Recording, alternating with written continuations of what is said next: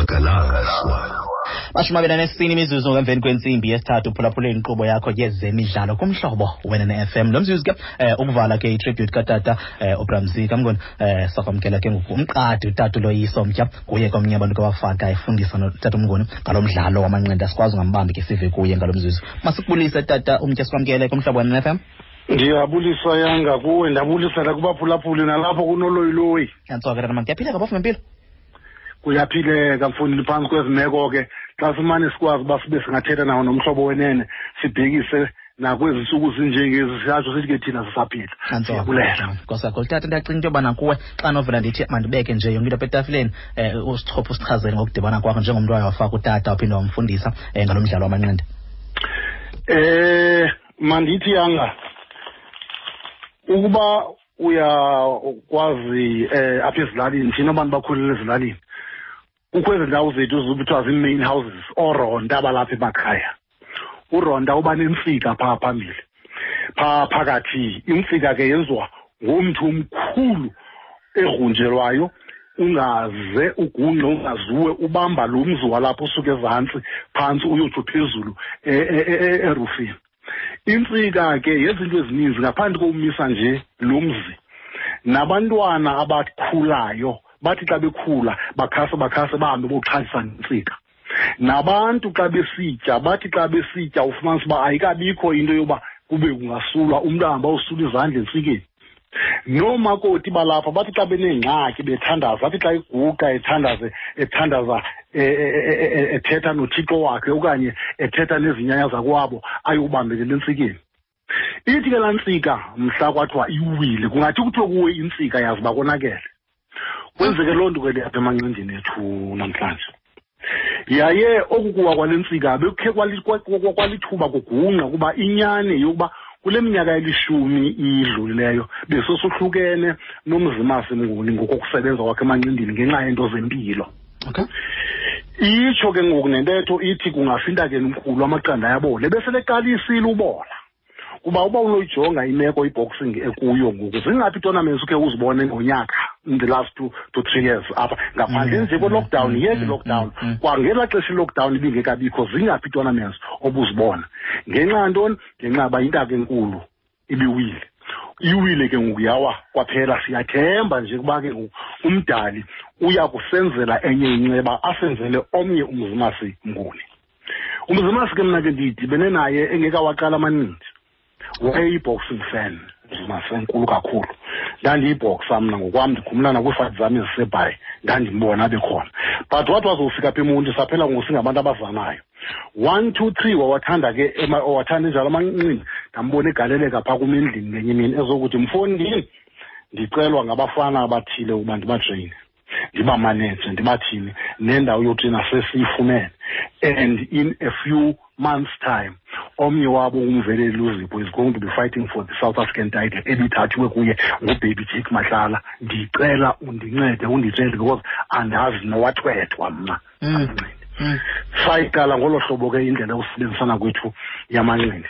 Ndabe ndineyam iklabhu ndihambe ndotrena yam iklabhu ndihambe ndotrena yakhe ndihambe ndotrena koovuyana aba ke beseze intwanana ezingamakhwenkwana asakhasayo umveleli uzipho in short samtrina wahamba wayombetha umatlala lights out erhawutini saqhubeka ke nangezinye iifights right up to the time umveleli eluza kurhoseidile esus but yabe ke ngoku yona ifoundation yokutreyina i-boxing kulaa club ndiyibekile sabe ke ngoku siyohlukana iyindoda ihamba indlela yayo. Ukhulile ke umzimasi mnguni wayile nto abantu bayaziyo? He outdid everybody including myself.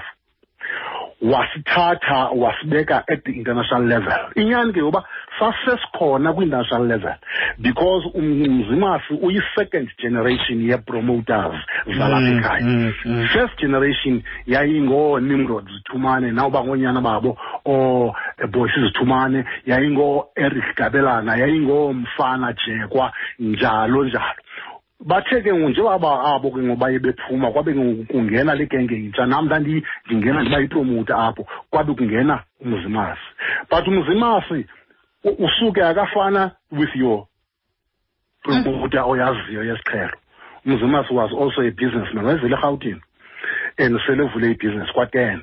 But kwafumaniseka uba laa ngqondo anayo ayisebenzisayo yebhizinesi nantsi eyisebenzisa nalapha emanqindini thina sasive for the first time ezaa nto ze-risk and reward.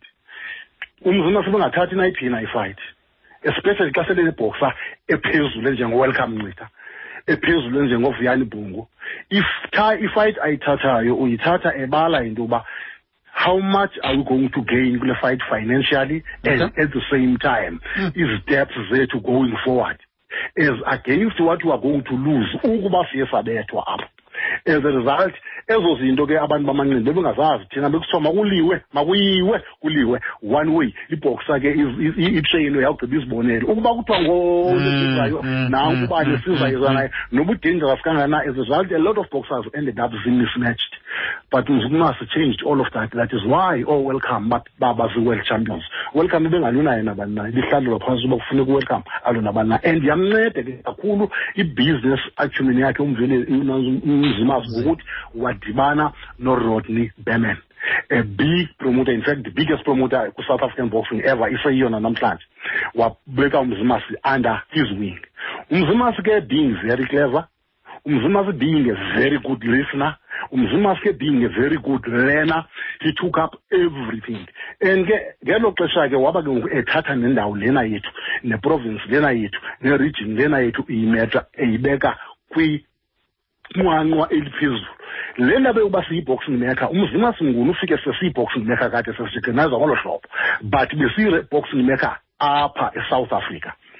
Siyindawo ethi ukuze bekuthiwe kubekho inqindi bethu inqindi kakuhle kube kulapha but mzima took this a step further by producing. Welcome nceda. World champion. Producing emveni koko vuyani bhungu. Producing emveni koko mulelo bhotile. Kwaqhubekeka njalo njalo. And eli gama lethu lasemdantsane laphela lingaziwa apha. Laphela lisaziwa overseas. Yeah of course in the overseas with, with the, uh, i'm from dantsane ah tanzania. Mm, mm. that's the place.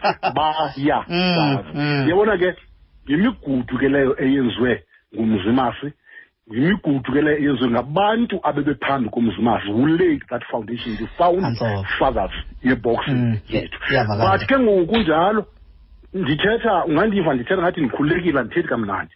We have been let down. Noba lo mbuzo awundibuzanga ndiza kuziphendulela. We have been let down. Iboxing yethu wonke umntu uqhwaba izandla phambana ame phaa nee-politicians everybody kusithiwa bavela kwindawo yeboxing but what do they ever do? Number one ngoku siba- sizabanika i-challenge and ngaske loo challenge bayenze. Umzimasi should be afforded. Esa status sidla ngokunikwa sanikwa oomeyiwa esa status besinikwa osibongile khumalo ngoku. Esa status besinikwa oojonas gwangwa ngoku. Izistatus ezihamba zibone uba nantsi le recognition funeka inikiwe eziqala kumngcwabo waseburhulumenteni. Okwesibini kwasoloko nkosana mgxaja apha oko kwakuthethwe ngemuseum eza kwenziwa. Le heritage siyenzayo le mbali ingaka siyenzayo sikula manqindi.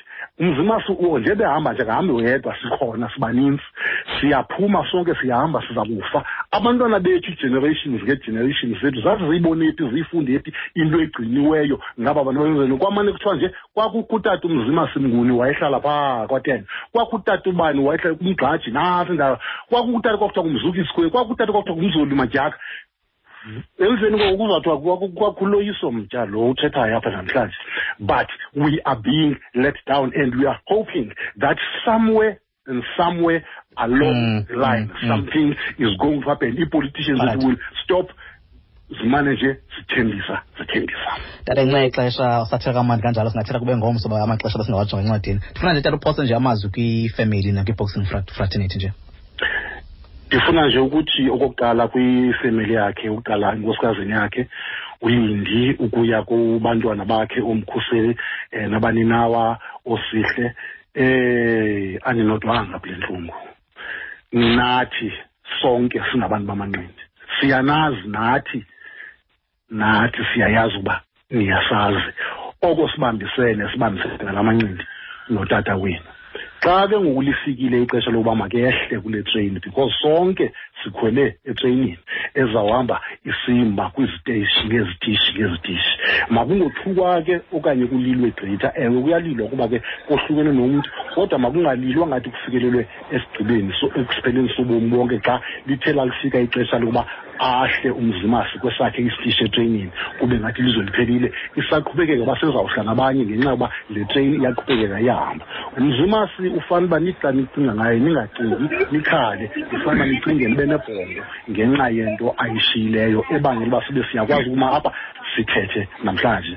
Nakuba abantu bamanqindi ke la magama ndiwafaka kwabantu bakwamnguni ndiwafaka exactly nakubantu bamanqindi abasebenza amanqindi ii-boxers managers trainers promoters even nabathanda amanqindi ndithi akuhlanga nehlanga nkosi kakhulu tata siyabulela siyabulela sisamukwazi zibini ixesha lakho mizuzu masenziwe amashumi abini anesihlanu phambi kwentsimbi yesine komhlobo nefm nkqubo yakho ezemidlalo sinika ke nembeko phaa kutata kobramzika mngoni sibeza nje nabantu abasebenza nasiva kuba imicimbi yabo bona ihamba njani na kwisini nalo mzuzu sakwamkela ke uwalter mkwena osuka phaa kwiofisi kaminister of sports Recre- Recre- recreation eh, arts and culture ke iofisi katata eh, unathi mthethwa masikubulise walter sikwamkele kumhlobo nefm Eh ndiyabulisa kuyanga and ndiyabulisa nakubaphulaphuli bomhlobo wenene FM. ndiyaphileka kodwa bot No siyaphila tata nje yizo nje indaba esi- ezibuhlungu esizizwayo eh Mm, mm. of the late eh, u- utata Ramsey. Mnguni. yes tata ndiyafuna into yobana kusiphe nje nomyalezo nawo uzawusuka phaa ke kwiofisi Eh uminister eh in fact nguye ondiinformile in the morning abengajonganga ifoni yami ndathola imessage ebeyithole ku-new chair yeboard yeboxing south africa utatu luthando jack eba umzimase utatu bramzia uswelekile akasekho um eh and then ke ebese engicela ba I must prepare a statement eh eh just as I express i-feelings zakhe so no Mm. indima edlale ngu utatu umzi ba Yes. inkulu kakhulu eSouth Africa eh ligala lezemidlalo eh li- eli- eliswelekile. Eh he sends his very warm sympathies uh, to ifamily yakwamnguni uh, and the whole boxing fraternity uh, as a whole. Basilahlekele Mm. singumzantsi afrika kwisport seboxing Eh bra Walter ndiyacinga into yobana anokwazi ngakubuza uba sikhona isicwangciso mhlawumbi ke nahlala phantsi nathetha um nge- nge- nge- ngendima e-recognition kumagqala ngoba ndiyava ndiyabona amagqala amaninzi ayakhala ngendlela nje yoba akho recognition ithile evelayo esuka kwidepartment in fact uh, i can say uba ngo-twenty sixteen um during i- i- i-term ka- kaminister mbalula utata umnguni warecognishwa nge-lifetime i-steve chwete lifetime achievement award so he was honored by the department uh, utata umnguni and uh, even kwicela all the way to being uh, uh, if, if, if my memory serves me well xa ndithetha norodney berman usebenze naye kakhulu but in the early days as Omadiba, he got a lot of recognition through the work ebeyenza. So I can confirm ba wa honorishwa i-department and uh, and nakuye i-boxing he, he was honored. But ke uh, you know umsebenzi womuntu cannot do enough to honor him because ababanye Mm, abantu bathetha mm. ngokuba mhlambe does it deserve i-state funeral and all of that which will be the ultimate honor. But uh, u- u- u- utata Mnguni deserves every honor that he can get. That's Ah, ndi- ndixisa ndijonga amanye amagqala mhlawumbi sekho nezicwangciso ezithileni ezibekileyo zithi ukuqhubeka phambili sizawuzama ukwenza le nto mhlawumbi besaphila Ewe injalo injalo um eh there, are plans in fact though you see i-sport uh, there's a lot that we still need to do Tata um just to honor uh, all the, the the icons and the legends uh that South Africa across the board. So minister this is one of the things asebenzela phezu kwayo to be able to have a program that is able to recognize uh, e-sports legends uh, as a flyer the South African flag even uh, in the time pre-democracy. Mm. So all of them to be honest, because sport in South Africa asiqalanga ngo 90 after 1994. Okay. So ke um, I think that uh, there's a lot ekufanele siyenze as as a country and as a department esibhizi ngayo ii-plans zakhona. bra Walter ndicinga masibamwazo zibini inkosi kakhulu ubhuti ixesha lakho Ndiyabulela kakhulu nyana. nkosi kakhulu nkosi kakhulu walter mokwana lo suka park office kaminister of sports recreation and arts and culture ke nguye lo sibalisela ke ngomyalezo suka park office echaza ke into yobana noko izicwangciso zikhona zona ukubheka phambili bechaza ukuba ufanele um imicimbi yonke noko emfanele yobramzini ngandlela yonke. Nothi be kanti uyahlonitshwa nganikwe imbeko yokugqibela.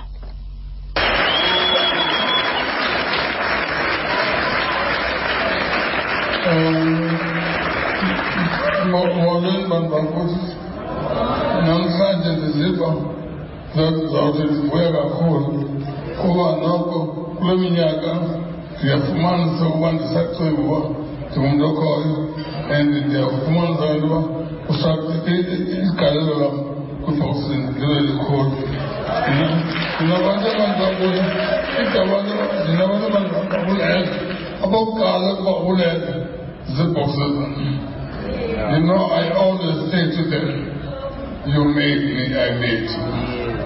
Because zibalulekile izandla abantwana zinesibini ngenxa yento lo ke bengitata umnguni um ngeli xa ke umphulaphula wayo wongo ngo-2018 nkosi kakhulu ke sibona mbazo zibini nakubhuti vuyani the beast ebhungu nkosi kutata uloyiso mtya. Inkosi kuwalter kwena ngothatha inxaxheba ke xa sinika imbeko kweli qala mphulaphula siyisonga njalo ke xa sibuya emphulaphula sancokola naye ke sabe sinayo nosibusa besinayo nomzukisithwala um